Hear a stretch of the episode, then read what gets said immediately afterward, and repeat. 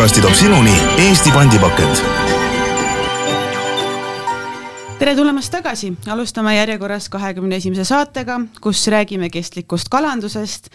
ja loodame Kalafoori abil aru saada, mida saab üldse Eestis näiteks oma lõunataldrikul keskkonnahoidlikuks kala ja mereanni valikuks pidada.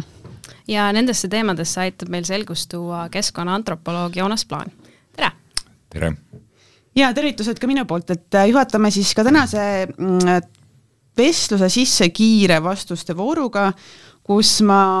ootan küsimustele võib-olla sellist lühemat äh, vastust, et vaatame, kas meil õnnestub sind ületada ja esimene küsimus kõlab siis selliselt, et äh, kas päriselt on ka võimalik, et kliimamuutuste ja inimtegevuse tagajärjel kala ookeanidest ja meie Läänemerest lihtsalt ühel hetkel otsa lõpeb ei, ma ei usu seda, pigem see ökosüsteem ja, ja kala koostis, kalad lihtsalt muutuvad, liigid muutuvad, aga kas ta päris nagu otsa saab, mina ei usu seda. Seda on väga julgustav teada, aga palun räägi ka fenomenist, et äh, mis jääb võib-olla natuke nagu mõistmatuks, et kuidas saab üks kala maksta mitu miljonit? Äh,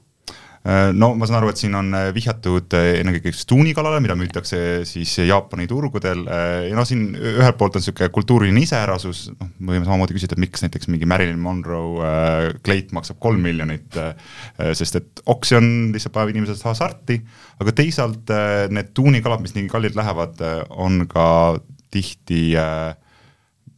ohustatud, neid on vähe. Ja, ja seetõttu see hind ka niimoodi kerkib nii et uskumatu, et on inimesi, kes siis maks-, maksavad tõesti nagu mitmed miljonid, et oma taldrikule seina nagu äh, kala saada, eks ole Ki. No. kiire küsimus vahele, kas see maitseb teistmoodi?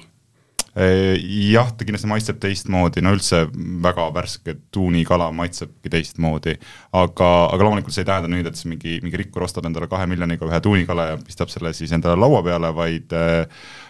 tihti selle siis ostab mõni kaupmees, kes siis, kes siis selle äh, tükeldab ikkagi väga väikestesse juppideks ja siis müüb seda tegelikult ikkagi kasumiga hiljem ka selle maha. see on suurepärane ka turundustrikk, ma olen ise näinud ja kohanud seda, kuidas kuidas seda kasutatakse, et näe, meil on nii kallis kala ja siis tulevadki inimesed, sest nad soovivad seda maailma kõige kallimat tuunikala maitsta ja siis viimane, kolmas küsimus siit plokist, et äh, nimeta enda isiklik selline lemmikkala ja viis selle söömiseks. võib-olla sul on isegi mingisugune kiire retsept siin jagada. Väga lihtne. Äh,, räim äh,, paneme pannile, praeme ära, paneerime enne võib-olla seda ja, ja see ongi niisugune lihtne, maitsev ja odav, nüüd ma kõlasin nagu no, nagu niisugune see ähm, kala kõlab hästi slogan ei, see kõlab tõesti hästi. aga võtame nüüd ette need äh, suuremad küsimused ja teeme alguses äh, mõned äh, terminid selgeks, et millega keskkonnaantropoloog tegeleb no keskkonnaantropoloog ja, ja keskkonnaantropoloog tegeleb ennekõike siis inimese ja keskkonna omavaheliste koosmõjude uurimisega. Äh, siin neid loomulikult neid koosmõjusid on vägagi erinevaid, nagu me ise juba võime enda peas mõelda.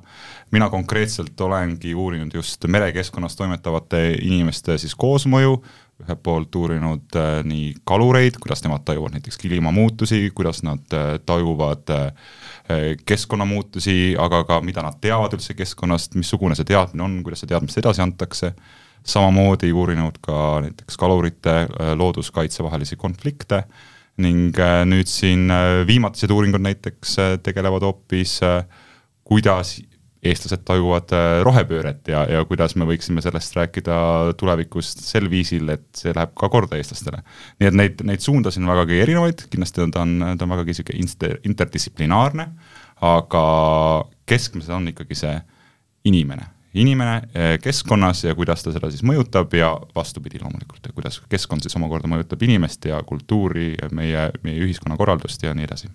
sinu äh, uurimistöö või, või selline eh, huvi on viinud sind lausa maailma teise otsa, Kalurikülla elama, Kanadasse, nagu me aru saame. et kas sa tahad põgusalt sellest kogemusest ka rääkida?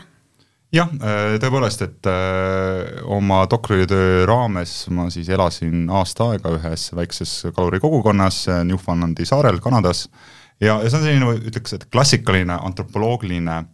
doktori tasemel välitöö, kus sa siis aasta aega veedadki ühe kogukonnaga, elad päriselt sedasama elu, mida siis nemad elavad, käies nendega koos äh, kalal, äh, kirikus, äh, naistega õhtul bingot mängimas, meestega kalurikuuris kehva õlut joomas, selle jaoks, et tegelikult päriselt aru saada, mismoodi nad siis seal keskkonnas toimetavad, mismoodi nad seda tajuvad, luua seeläbi ka usalduslik suhe nende inimestega ja, ja kuulda võib-olla neid vastuseid, mida teised teadlased, no näiteks sotsioloog, kes läheb sinna oma küsimustikuga, küsib need küsimused ja lahkub sealt, võib-olla ei saa. Lihtsalt seepärast, et inimesed ei kipu olema kohe esimestel hetkedel need päris ausad ja, ja, ja varjavad võib-olla mingeid asju. aga ennekõike ka, et ise tegelikult kogeda ja, ja päriselt aru saada, mida siis tähendab näiteks olla kalur äh, Newfoundlandil äh,, kus kohas kliimamuutused vägagi selgelt mõjutavad seda ökosüsteemi ja mõjutavad ka tegelikult seda, seda äh, korra, korra, kohalikku kultuuri aga mis on need põnevamad taipamised, mis sa siis äh, seal oldud aja jooksul kätte said, mida sotsioloogid ei saa küsimustikuga? no ma jah, niimoodi kohe ei taha panna, mida, mida siis sotsioloog teada ei saaks, aga et aga, aga võib-olla üks niisugune põnevamaid äh, nüansse, mis oli, et noh, mina läksin sinna äh, vägagi niisuguse selge küsimusega, kuidas kliimamuutused mõjutavad kohalikku kalandust, kuidas nad mõjutavad seda kohalikku kultuuri ja kuidas siis inimesed sellest aru saavad ja, ja seks tarbeks olin ma eelnevalt pikalt ettevalmistusi teinud, saanud ka suured grandid, minu uurimusprojekt oli ilusti vägagi detailselt kirja pandud. Ja, ja olin kokku leppinud siis esimesega intervjuu juba ühe vana kaluriga. E, e-kirja teel olin talle ka kirjeldanud, et sellised on need küsimused, mis huvitavad, ja siis ma koputasin ta ukse peale ja siis esimene asi, mis ta ukse peal ütleb mulle, tead, Joonas, mul on sulle kurvad uudised, siin ei ole mitte mingisuguseid kliimamuutuseid ja, ja, ja noh, minu jaoks see maailm mõnes mõttes kukkus kokku, et et mis asjad ma olen nagu valmistunud aasta aega siin elama, et uurima, kuidas kliimamuutused mõjutavad ja siis ta ütleb mulle, et noh, kliimamuutusi siin ei ole.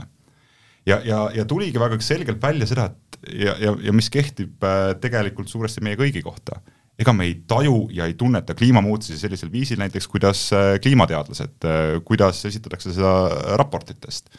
kliimamuutused on noh, niivõrd pika aja vältel toimuv protsess et eh, tavainimene tegelikult seda väga hästi ei tunneta. Eh, ja kui ta ka tunnetab seda, siis tihti me kohaneme sellega väga kiiresti, me võib-olla ei taju seda sellisel viisil, näiteks, näiteks inimene, kes igapäevaselt saab oma leiba loodusest, enamus inimeste jaoks on see selline natukene isegi võib-olla tühine protsess ja see on ka üks põhjus, miks me, miks võib-olla senimaani läänemaailmad ei ole midagi sellega ette võtnud. see kehtib ennekõike just lääne ühiskondade puhul, kus äh, kus ühiskonnaliikmetel tihti on nii-öelda niisugune turvavõrk taga, kui tõesti tulebki näiteks mingi äh, looduskatastroof, mis on seotud kliimamuutustega, siis tihti on, riik on, on abiks see, seejuures. ja seetõttu see, see probleem meil ei olegi äh, niivõrd suur. noh, ka tänane näiteks äh, energiakriis, mis on ühelt poolt seotud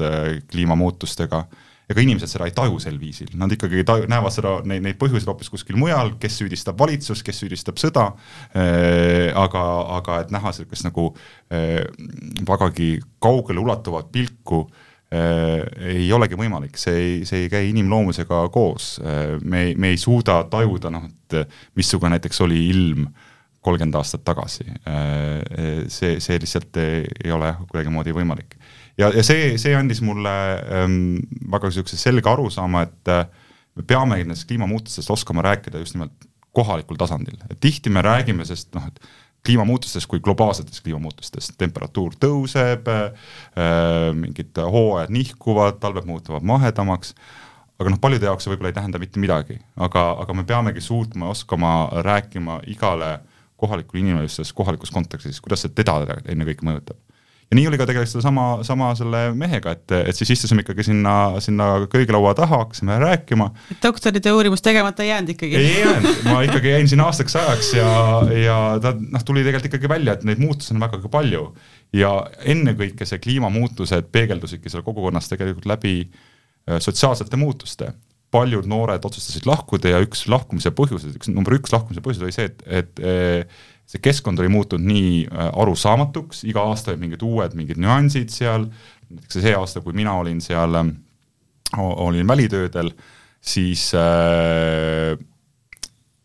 meri jäätus äh, juunikuus ära äh,. ja, ja me asume ja, ja see, see kogukond, kus ma olin, asus no ütleme, Pariisi laiuskraadil ja noh, mis oli niisugune nagu üks niisugune näide sellest, et, et noh, et see kliimamuutused tõid endaga kaasa, kaasa ennekõike niisugust teadmatust keskkonna suhtes ja, ja noored tundsid, et äh, neil puudub kindlus, sest et äh, see kogukond on ikkagi ennekõike harjunud seda, mitte harjunud, vaid noh, nad saavadki selle suure osa ikkagi sissetulekust just kalal käies, loodusest. ja kui see loodus nii-öelda mängis vingerpussi, ei, ei, ei olnud etteaimatav siis seega oli üks nagu suure, suurematest põhjustest, miks otsustati tegelikult lahkuda sealt kogukonnast. mitte aga, et et tööd ei ole, tööd oli, mitte et, et sissetulekud on väiksed, vastupidi, et tihti need kalurid ikkagi teenisid äh, vägagi head sissetulekut,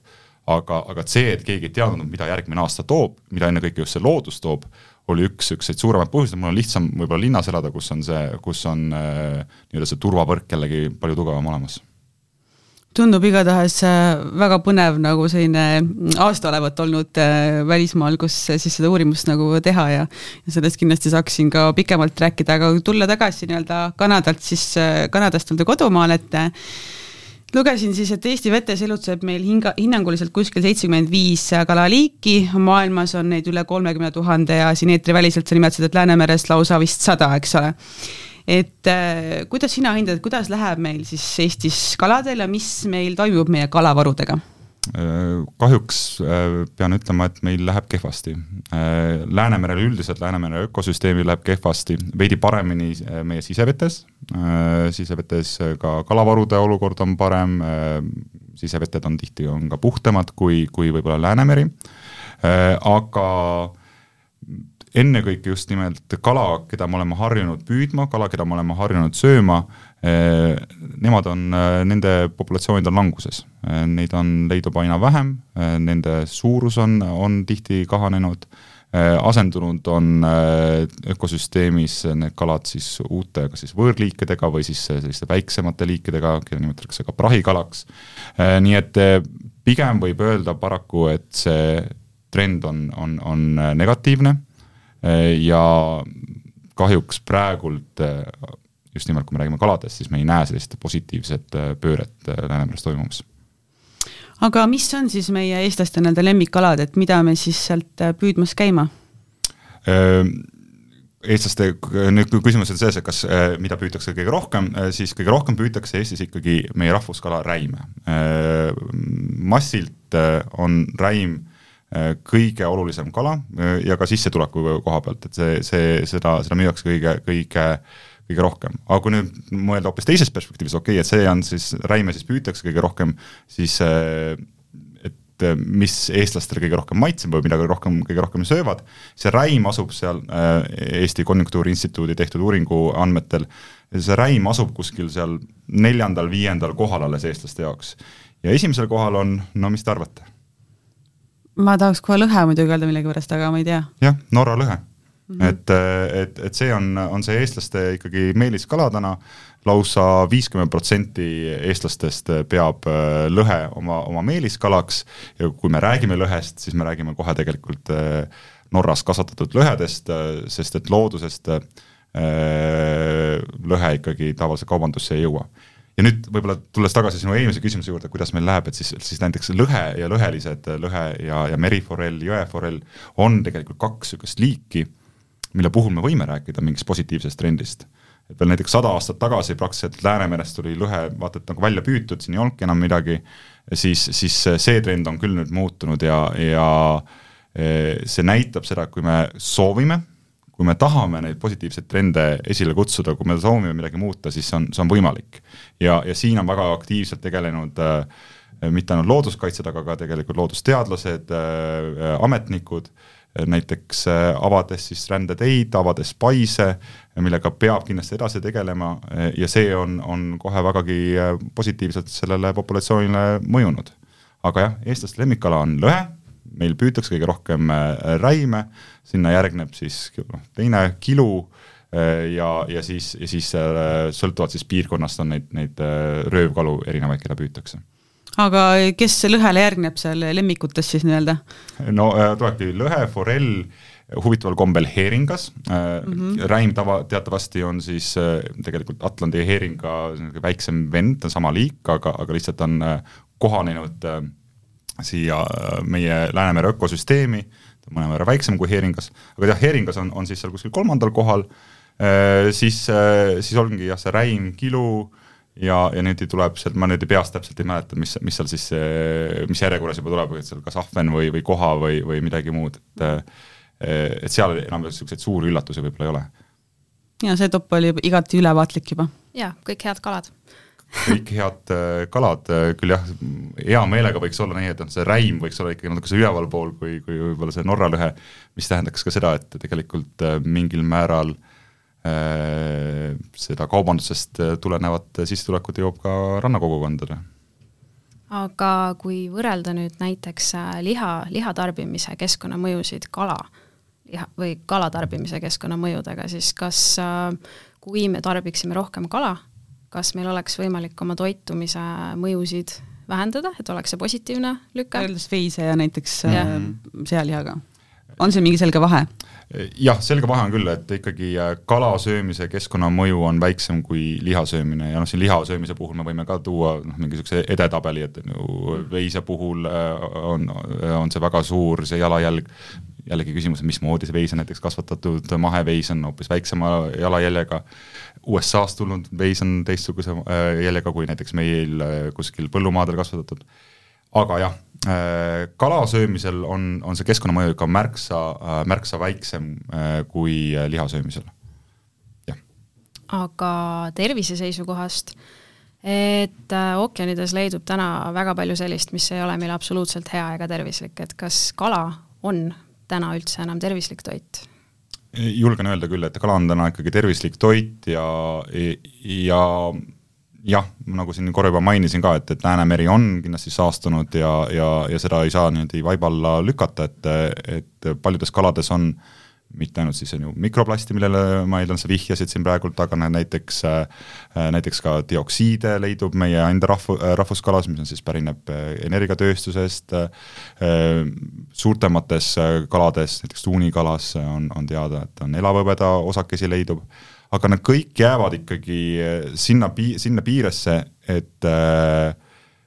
kala söömisest tulenev äh, nii-öelda tervislikud äh, aspektid kaaluvad selgelt üles selle, mis on nagu see negatiivne osa võiks olla. me peaksime ikkagi päevas kilode ja kilode viisi seda räime sööma, et ta päriselt hakkaks meie, meie tervist äh, mõjutama ja ma usun, et tegelikult nii on, nii on noh, ükskõik mis toiduainega, kui me sööme midagi liiga palju, et siis, siis ta selgelt meid ka mõjutab. niisiis kala ikkagi võib julgelt süüa, süüa mõõdukalt, nii nagu me tegelikult kõiki asju sööme ja, ja sealt saadavad tervislikud need äh, aspektid tegelikult on sellised, mida kuskilt mujalt isegi ei saa, no näiteks äh, oomega rasvhapet, noh seda saab kuskilt mujalt, aga kaladest ikkagi saab seda kõige paremini ja kui kala söömisest rääkida, siis kindlasti oleks ju kena, kui me eelistaks just kestlikku kala. et mida siis nimetatakse kestlikuks kalaks ja äh, kuidas seda oma taldrikule valida?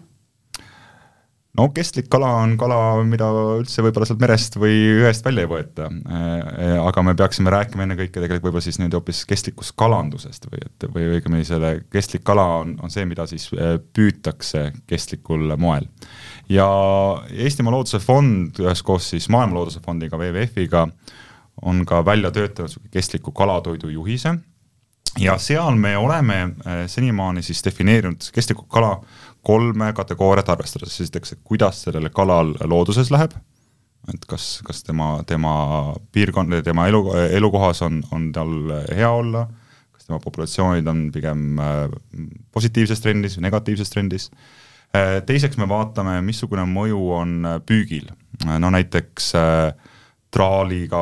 kala püüdes me loomulikult mõjutame seda keskkonda rohkem, põhjatraaliga veelgi enam, aga õngega noh, ilmselgelt äh, see mõju on, on palju väiksem, nii et vaatame ka siis, kuidas see kala on püütud. ja kolmandaks äh, vaatame ka, kuidas seda, see kalapüük on, on majandatud. Äh, näiteks siin ikkagi Läänemeres suuresti kalapüük on väga hästi majandatud, väga hästi kontrollitud, samal ajal aga näiteks minnes kuskile Argentiina rannikule, siis, siis seal on päris palju probleeme selle kontrolliga, toimub päris palju ülepüüki, tagasiheidet ja see keskkonnamõju on, on, on palju suurem niisiis äh, kala looduslik olukord, kuidas teda püütakse ja kuidas teda siis äh, majandatakse. aga nüüd keskkonnaorganisatsioonide seas on meil juba siin mitu aastat on nüüd käinud debatt, et kas see on piisav siiski Äh, sest et üks oluline komponent või noh, komponent on halb sõna selle juures, et et aga üks oluline asi on siin, siin puudu selle, selle kestlikkuse definitsioonis. see on see inimene, kes kes selle kala püüab. Ja, ja ühegi, no on ka, on ka neid looduskaitseorganisatsioone, aga ül, ei Eestimaa Looduse Fondi ega ka Maailma Looduse Fondi eesmärk ei ole kalapüüki peatada või et öelda, et ärge üldse kala püük, püüdke, et, et jäägu ta sinna merre. Aga seda peaks ikkagi püüdma äh, viisil, mis siis äh, ei mõjuta seda keskkonda ühelt poolt, aga mis ka toetaks seda rannakalandust, rannakogukondasid, äh, kellele võib-olla see on nii kultuuriliselt, sotsiaalselt vägagi oluline osa nende, nende elust. niisiis äh, edaspidi ja järgmisest aastast me ka Kalafooris püüame nagu rohkem ja selgemini sisse tuua just nimelt seda, selle inimese komponenti, et kas see kalandus ka toetab kogukonda äh,, Äh, kas äh, see kalandus on näiteks eetiline, no näiteks Kagu-Aasias on väga palju äh, juhtumeid, kus siis isegi lapsorjatööjõudu on kasutatud, ilmselgelt see, see ei ole, see ei ole eetiline. Et võtame arvesse ka tegelikult selle, selle inimese, inimese osa, sest et inimene, kes tegelikult igapäevaselt toimetab merel, ranniku ääres, elab seal ka hoolib ja hindab seda loodust palju rohkem, kui et äh, me lõpetame täielikult selle, selle püügi ära ja siis äh, kõik niimoodi rõõmsalt urbaniseerume ja, ja tegeleme hoopis mingite asjadega, mis, äh, mis niimoodi e-, kaugendavad seda, seda loodust meist veelgi enam ja enam. et, et ikkagi rannakalandus võiks käia käsikäes selle kestliku kalandusega kas seda kalafoori äh, nii-öelda valgusfoori siis lahendust näeb kuidagi kuskil nagu kaubanduskettides ka või, või kuidas ma kaup-, noh kauplusesse minnes just äh, võiksin hästi lihtsasti aru saada, et, äh, et see võiks olla see kestlik nagu kalavalik, kui ma just mhm. selle võtan? kauplustes otseselt sellist äh, foori skeemi väljas ei ole, et siin on noh, mitu, mitu põhjust ja üks peamine põhjus on see, et, et üldiselt meie jaeketid ei soovi nagu veelgi enam mingeid silte tuua sinna, sinna oma lettidele kui siis, et ainult enda, enda, enda mingi brändinguga seotud silte, aga üldiselt jah, et see on üks peamiseid põhjuseid, et ei soovita noh, veelgi enam mingeid, mingeid niisuguseid märgiseid äh, luua. aga iga inimene saab ise näiteks kalafoor.ee kodulehele minna ja, ja näiteks sealt hinnata, et kas see kala, mis siin letis on, on siis kestlik või mitte. sest et kõikidel äh, kalatoodetel äh, peab olema märgistatud, et kust ta on püütud, on kuidas ta on püütud ja selle abil tegelikult saab igaüks vägagi, vägagi lihtsalt äh, noh, alati see nii lihtne muidugi ei ole, aga, aga saab tegelikult äh, seda, seda hinnangut äh, teha. aga samal ajal, noh, mis see eesmärk meil on ka Eestimaa Looduse Fondil olnud, on et, et mitte nagu anda seda mm, ülesandet tarbijale või kalasõbrale, kes siis selle kala sööb, vaid tegelikult see, see valik võiks juba olla tehtud kaupmeeste poolt endi poolt või siis äh, tulla ka juhistena võib-olla kuskilt äh, ülevalt poolt, äh, mis, mis ütleb selgelt, missugust kala võib müüa. ja noh, nii me oleme käinud erinevate jaekett, jaekettide uste taga, vast kõige parem koostöö meil on senimaani olnud just nimelt Rimiga, kes väga kiirelt tuli kohe pardale meie, meie paati, ütles, et jah, meie tahame kestlikku kala müüa. Ja, ja me võtsime ette kogu nende nimekirja kaladest, keda nad müüvad, aga mitte ainult kalad, vaid kalatooted, tooted, mille sees on äh, kala. Ja vaatasime seda siis, kõrvutasime siis seda, seda siis meie, meie andmetega ja nad võtsid välja kõik kalad, mis äh, jäävad nii-öelda sinna punasesse kategooriasse, ehk siis kategooriasse, mis, mis äh, üldse kuidagi ei ole kestlik, ta, tema püük mõjutab, mõjutab keskkonda ja, ja Rimi jaoks see tähendas, et kuskil kolmteist protsenti nende, nende kalatoodetest või kaladest siis kas võeti välja või siis asendati mõne kestlikuma. Aga noh, see kolmteist protsenti on ikkagi juba päris suur, kui arvestada, et seal neil eelnevalt siis oli siis kolmteist protsenti kalu, kes on siis näiteks kriitiliselt ohustatud või või kellel läheb ikkagi väga halvasti äh, keskkonnas. niisiis äh, noh, ei taha nüüd reklaami teha, aga tõesti minnes siis sinna, sinna ühte kauplusesse võib päris kindel olla, et, et juba teeme keskkonnale head paljud teised kauplused aga nii varmalt sellega ei tahtnud kohe kaasa tulla, et eh, ühelt poolt öeldi, et jaa, vaat see on nii, vot nii keeruline kõike seda teha ja noh, tõesti oligi, me Rimiga tegime ikka pool aastat, nägime vaeva alguses see esimene nii-öelda sihuke, sihuke äh, reha teha äh,. aga sihuke tüüpilisem vastus on, on see, et aga vaat see kala, sellega me ikkagi teenime päris hästi ei tahaks seda hästi välja võtta. ja nii ongi noh, et, et, et, et osade kalade puhul on need varmamad on need jaeketid neid välja võtma, ütlevad jah, tõesti jah, see nagu nii palju sisse meil ei too, või siis, et ütlevad jah, me tulevikus tahame ikkagi kestlikumaks minna, aga siis on jällegi mingid liigid, kus siis öeldakse, et noh, me tahame seda siiski edasi müüa, sest et meie kliendid nõuavad seda väga tihti kasutavadki need, need, need jaeketid niisugust demagoogilist vastust, et aga, aga klient ju seda soovib. Tihti ikkagi tegelikult, mida me oleme siis ka oma uuringutest ikkagi aru saanud, et ega see noh, klient ei olegi, ei pea käima kogu aeg telefon näpus ja siis seal neid hinnanguid tegema, tema tahab tihti poodi minna, teha see oma, oma ost ja tagasi koju minna, süüa teha. Nii et, nii et väga suur roll asub nendel, nendel jaekaupmeestel. Aga ka tegelikult edasimüüjatel, et äh, et osa edasimüüjad tegelikult ongi lõpetanud mingite kalade sissetoomise, et siin oligi üks meil hea näide äh, Rimiga, kus siis Rimi võttis välja ühe, ühe liigi, ma, mis suudab praegu peast öelda, Argentiina rannikult teda püütakse ja, ja kuna see, see osakaal, mida siis Rimi välja võttis, oli piisavalt suur, siis ühel maal ja toolil enam ei, ei tasunud ära seda Eestisse tuua, nii et noh, Eesti turult tegelikult täielikult kadus ära siis see üks liik, mida, mida siis on, mis on siis punases äh, nimekirjas. nii et, nii et tasapisi tegelikult see, see muutus on toimumas täpselt samamoodi me oleme käinud äh, restoraniga rääkimas ja, ja kõik restoranid tegelikult, kellega me oleme rääkinud, ütlevad, et jah vot me tahaksime ka ikkagi kestlikku kala müüa ja neil on, on ka natuke sarnane probleem, et, et alati ei ole lihtne leida seda kestlikku kala ja, ja peavad ikkagi selle hulgimüüjaga päris pikkasid läbi, läbi, läbirääkimisi. no aga siingi on, on näha seda niisugust äh, visamuutust, näiteks äh, see sügis nüüd toimuv Tallinn Food Week kuidas see, Tallinna restoranide nädal äh,, Tallinna restoranide nädal, Tallinna linn pani üheks siis kriteeriumiks, et kõik restoranid, kes siis tahavad sellest osa võtma, peavad äh, pakkuma oma menüüs ainult kestlikku kala. ja, ja seeläbi see klient ei pea minema sinna, sinna, sinna restorani mõtlema, kas see on ikkagi kestlik või mitte, äh, ta ei pea ka, restorani pidaja ei pea kuskil mingit kleepekat uut juurde panema, vaid, vaid ta tegelikult teeb need, need otsused juba eelnevalt selle kliendi jaoks ära ja see, see, see tahe on olemas, äh, küll visalt see turg muutub, aga ma selgelt näen seda muutust, et, et, et, et see on muutumas no ühe positiivse näitena võin tuua siin põhja, põhjanaabrit meil Soomel, Soomes, kus siis analoogne äh, kestliku toidujuhis on juba olnud pea kümme aastat, siis nende uuringute järgi täna kaheksakümmend kaks protsenti turust ainult pakubki seda kestlikku kala, nii et äh, Eestil on veel pikk tee minna, aga me oleme juba neid esimesi samme astumas ja see kliendi eest valiku tegemine ei pruugi olla üldse nagu halb, selles mõttes, et kui ma tegelikult nagu teaks ju, et mul on valida, et kas üks on kestlik või üks on nagu väga selline nagu keskkonnavaenulik kala, siis ilmselgelt tegelikult ma ju tahaks teha kindlasti valiku selle kestliku heaks, aga ma lihtsalt ei tea seda taustalugu, on ju, ja siis ma ei pea oma pead enam valva, vaevama.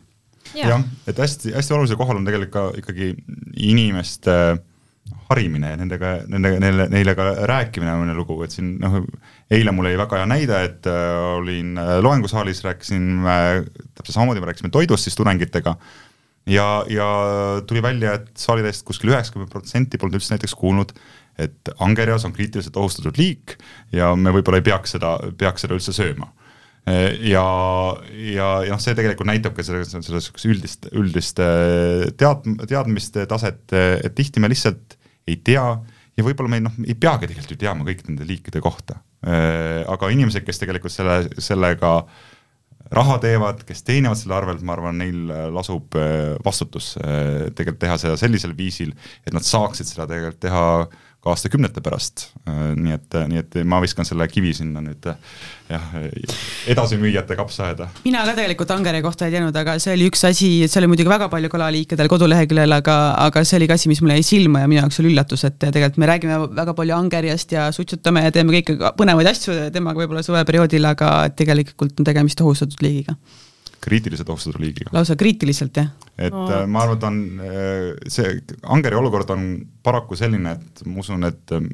meie kõik siin, kes me siin kolmekesti istume laua taga, veel oma eluea jooksul kahjuks näeme, kuidas see liik sureb välja. nii et suitsutage, sööge, võib-olla te sööte viimast angerit. ja, ja, ja see on, see on noh, tõesti hästi-hästi kurb, sellepärast et see vajab selget poliitilist otsust, et lõpetada ka püük, hakata seda liiki kaitsma, senimaani seda poliitilist otsust ei ole tulnud. mitte ainult Eestis, vaid ka, ka kõikidel muudes Euroopa riikides aga kui selline üks liik välja sureb, see mõjutab ju tegelikult kogu ökosüsteemi. absoluutselt, jah et äh, noh, heaks näiteks jällegi, halb näide, äh, halvaks näiteks äh, võib ka tuua Läänemere tursa, et noh, Läänemere tursk, ta ei ole eraldiseisev liik, aga ta on, ta on Atlandi tursa alamliik, kes siis siin Läänemeres elab. Läänemerest on praktiliselt tursk on kadunud, no meie vetest on, on ta juba täiesti kadunud, vaata et lääne pool seda, seda veel leidub. Aga me juba näeme, kuidas ta tegelikult, see mõjutab selgelt kogu seda ökosüsteemi ja tema asemel võtavad koha hoopis teistsugused liigid ja tihti need liigid enam ei ole samasuguse väärtusega nii, nii rannakaluritele või üldse kaluritele äh, ja ka toidulauale nad leiavad aina vähem, vähem teekonda. näiteks rootslased praegult on läbi viimas niisuguseid põhjalikke uuringuid, mõeldes, et kuidas me saaksime ogalikust toitu teha noh, et, et, täna me, ma arvan, mitte keegi ei mõtle sellele, et oh, et ogalik, et lahe, et, et selle võiks toidulauale panna, aga, aga me oleme täna tõesti sellises olukorras, kus, kus kus võibki olla, et see Läänemere ökosüsteem muutubki sellisel viisil, et meil jääbki nii-öelda niisugust nii-öelda peenkala või prahikala oleneb, kuidas seda nimetame luine kala, keda me ei ole harjunud sööma ja me peamegi hakkama tegelikult ka mõtlema, kuidas meie toidulaud muutub keskkonnamuutustega koos peame tegelikult kohandama ka oma toidulauda ja, ja see on tõesti see, see tõsiasi, mis käib kaasas selle Läänemere kehva olukorraga ja üldse kalanduse kehva olukorraga. me oleme välja püüdnud suuresti just nimelt need kalad, mis on suured, mis on maitsvad, mida me oleme kultuuriliselt harjunud pikka aega sööma. seeläbi siis on tõesti muutunud see, see ökosüsteem ja, ja seeläbi tähendab ka seda, et peab muutuma ka meie, meie toidulaud, ühelt poolt äh, võib-olla siis vähem seda kala sööma, aga ka teistsugust äh, kala sööma, et sa siin alustasid tänast äh, podcast'i ka sellega, et et meil siin Eesti, Eesti vetes on seitsekümmend viis kala, nüüd võiks iga kuulaja korra mõelda, et noh, et kui mitut erinevat kala ta on söönud, mis on noh, pärineb Eesti vetest ja, ja, ja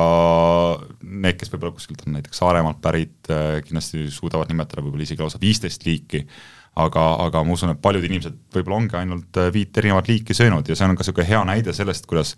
me oleme pannud fookuse mingitele kindlatele liikidele,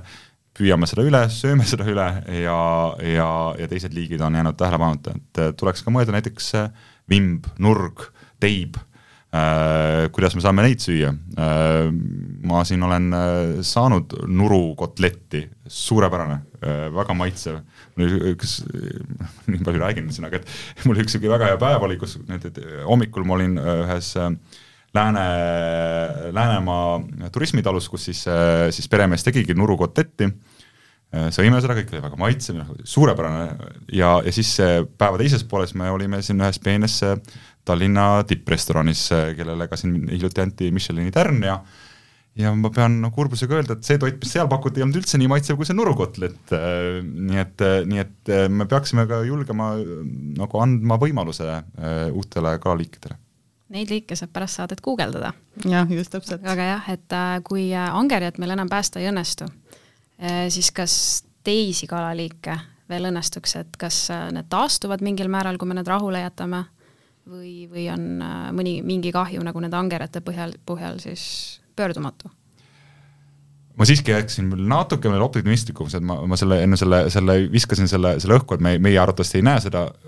arvestades seda, kuidas tänased nagu äh, poliitilised protsessid käivad, et lihtsalt, et, et ei ole ma kuskil nägemas niisugust, niisugust helget kiirt, mis, mis nagu annaks, annaks lootust. küll aga äh, seesama siis äh, lõhe või forelli näitel Äh, võime ikkagi julgelt rääkida, kui me kas jätame rahule, kus, kui me võtame ette selle jaoks, et parandada seda merekeskkonda, jõekeskkonda, veekeskkonda, äh, selle jaoks, et nendel kaladel läheb paremini, siis nad ka taastuvad. Äh, ja, ja, ja ka selles, selles võib küllaltki kindel olla. loomulikult see ei ole nii lihtne, kui, kui öelda, et noh, lõpetame siis kalapüügi ära ja, ja küll nad siis taastuvad me peame arvestama ka ikkagi selle, selle sotsiaalmajandusliku olukorraga, arvestama, et väga suur hulk inimesi Eestis äh, elatub kalandusest, üks, ükskõik kui palju see sissetulek neil, neil võib olla, aga see on oluline osa tihti nende, nende, nende sissetulekust. Eestis on üle tuhande kuuesaja rannakaluri, et, et neid on ikkagi päris palju, kes, kes sellest sõltuvad. et me päriselt nagu kohe nagu ära lõpetada eh, ei saa. Aga kui me soovime seda teha, kui me, kui me näeme selle nimel vaeva, siis, siis see on võimalik.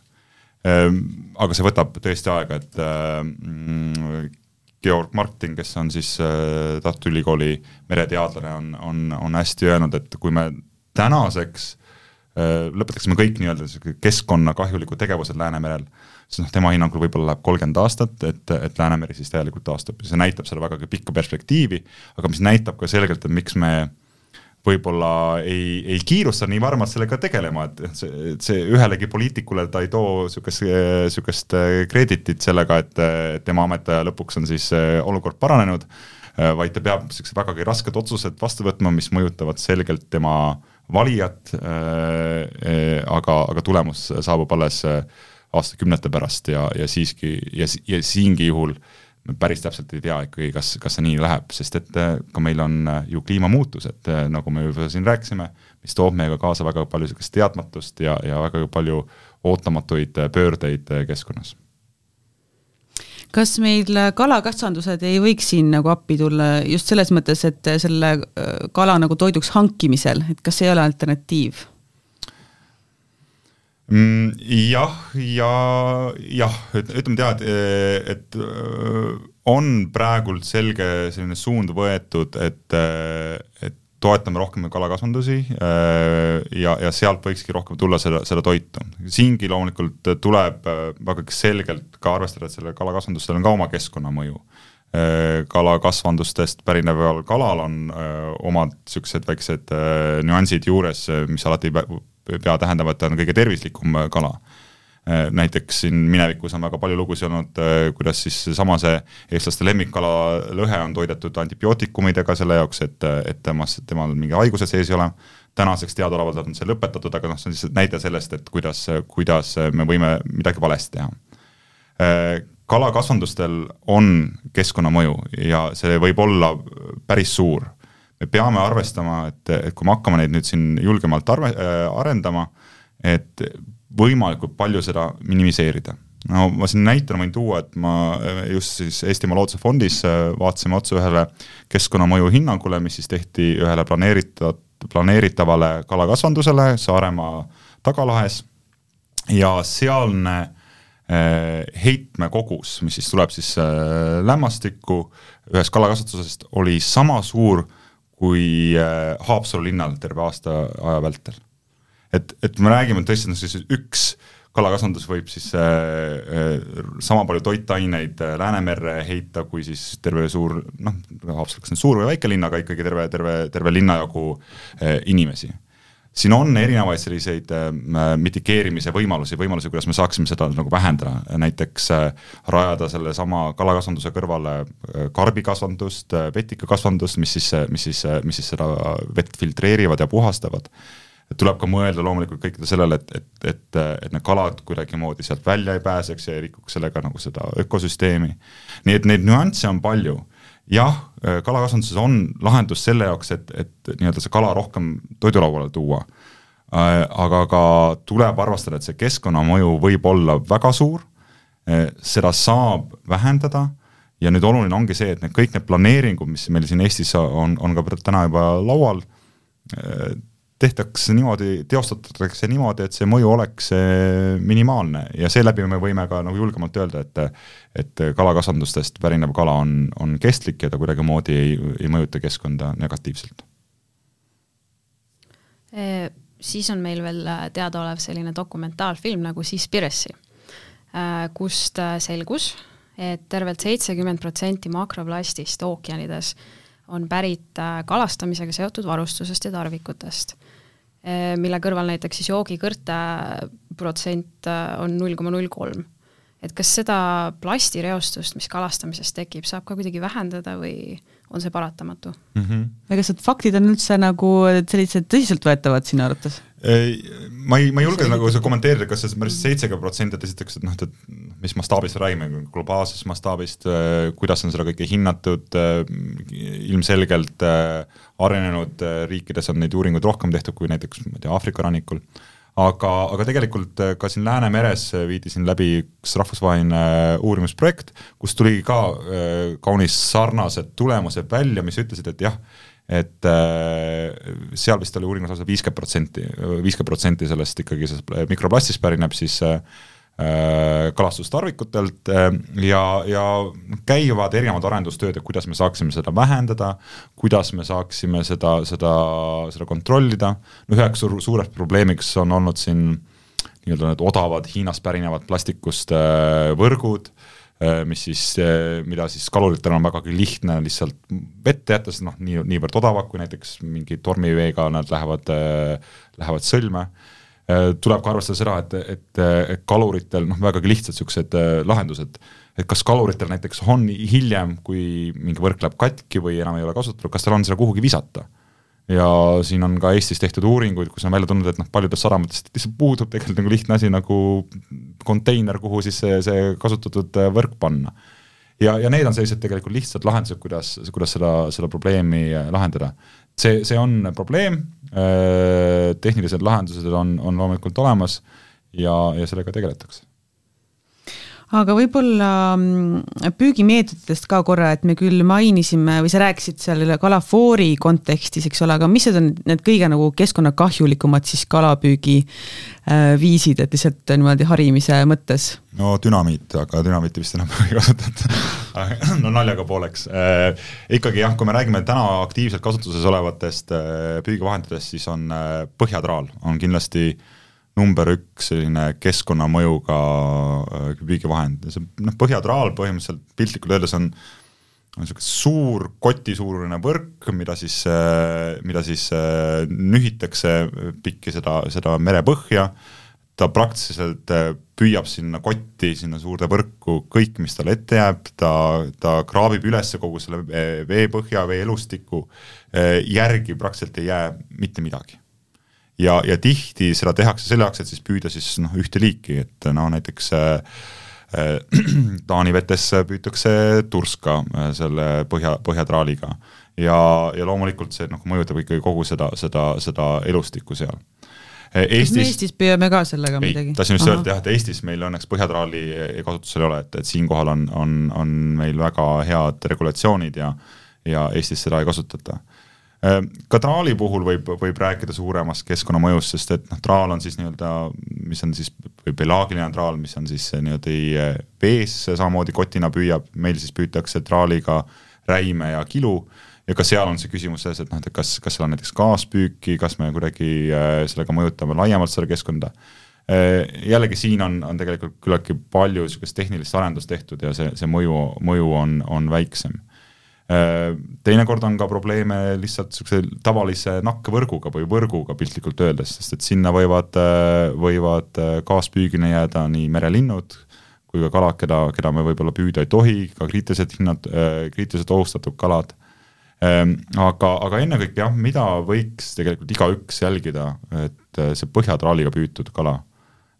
võiks jääda, jääda sinna letile või, või, või kindlasti mitte meie toidulauale jõuda ja, ja üldiselt jah, et Eestist äh, need, need äh, püügimeetodid pigem on, on väikse keskkonnamõjuga. ja see traali meetod on ilusti pakendil kirjas? jah, see peab olemagi ilusti pakendil kirjas, see on seadusse kirja pandud. küll aga ühte asja nagu tahaks ka välja siin tuua, et, et et üks asi on jah, et, et on erinevad, erinevad püügivahendid, millel on erinev mõju, aga mõju on ka sellele ka, kui palju neid püügivahendeid tegelikult üldse püügil on, piltlikult öeldes ja, ja kui Eestis noh, ma mainisin, et, et need püügivahendid, mis meil püügil on, on, nende mõju on noh, küllaltki väike keskkonnale, eh, noh, oleneb, kuidas me hindame, eh, siis, siis ometi meil on suureks probleemiks see, et, et täna on liiga palju püügivahendeid tegelikult püügil. Eh, ja see on, siin on niisugused ajaloolised põhjused, aga, aga täna üks nagu niisuguse probleem, mis takistab teataval viisil ka siis seda, seda nende kalavarudel taastuda, on see, et et ähm, no ütleme noh, me räägime vägagi umbmääraselt siin, et äh, mõndadel kaluritel on kakskümmend võrku näiteks kuskil paadikuuris, äh, aga ta kasutab igapäevaselt äh, kahte võrku, sest noh, kahtekümmend võrku ei ole vaja. aga nii nagu kalavarud natuke lähevad paremaks, tuleb uus põlvkond tuleb peale, ootamatult on palju kala seal vees, siis viiakse kõik need kakskümmend võrku viiakse püügile. ja püütakse siis kiiresti välja kogu see nagu populatsioon, mis on heas olukorras ja, ja see on, on, on täna tegelikult küllaltki suur probleem meil Eestis, meil on liiga palju võrke püüdmas liiga vähest kala. nii kui need populatsioonid korrakski lähevad paremaks, kohe kõik need võrgud äh, kraabitakse sealt äh, kuurist välja ja, ja, ja viiakse ka vette, et, et ka siin on oma, oma loomulikult mõju, äh, mida tuleks kuidagimoodi tegelikult Eestis paremini reguleerida arusaadavalt tarbivad äh, ookeanides elutsevaid kalu ka täiesti teised liigid inimese kõrval. et kas on mingeid näiteid, kus me oleme hakanud äh, teiste liikidega konkureerima toidupoolise üle või neid lausa äkki arvukuselt piirama? jah, no ma ookeani koha, võib-olla noh, räägime Läänemerest, et meil on siin vägagi selge, mitte, mitte probleem, aga, aga mida alati kalurid armastavad välja tuua, on hüljes ja kormoran et äh, nemad on äh, kaks sellist äh, teist veelooma, kes siis täpselt samamoodi jahivad seda, seda vähest kala. ja nüüd ongi see küsimus, et kuidas me nagu seda niimoodi konteksti sätime, kas tegemist on mingi konkurentsiga, noh, kaluritel väga selgelt öelda, et hülgeid on liiga palju, me peame neid hakkama nüüd reguleerima, neid jahtima selle jaoks, et, et meile jääks rohkem aga tegelikult see noh, probleem ei ole selles, et, et kas meil on hülgeid palju või on kormorane hülgede kormoranid on siin alati olnud Läänemeres, samamoodi nagu need kalurid, lihtsalt see kala, keda me püüame, keda need, need ka teised äh, loomad taga ajavad, seda on meil vähe, väheseks jäänud. ja nüüd, et, et noh, nüüd lähme siis jahime, jahime seda, seda hüljest selle jaoks, et seda vähest kala veelgi saada, äh, ei pea ma õigeks. no siin on äh, kurb näide Nõukogude ajast, kus äh, samamoodi arvati, et äh, noh, et, et, et kalanduse üks suurem probleeme on, on hülged, kes siis nagu nii uljalt söövad siis seda, seda kala, mida, mis on justkui mõeldud inimestele. Ja äh, rannakaluritele anti niimoodi selline preemia, sõltuvalt siis ajast, aga noh, mingi viis rubla iga siis tapetud hülge eest, seda tõestada, seda nad pidid tõestama siis sellega, et pidid randa tooma hülgeuime ja, ja see tähendas seda, et, et mindigi siis sinna jää peale tapeti nii palju hülgeid kui vähegi võimalik, sest et ometi sai ju viis rubla iga, iga selle, selle hülge eest ja tihti need jäeti lihtsalt sinna, sinna mere peale. ja, ja see viis niivõrd kaugele, et, et hülge tuli vaja hakata kaitsma, see, see on ka üks nagu see põhjus, et miks siis kunagi Äh,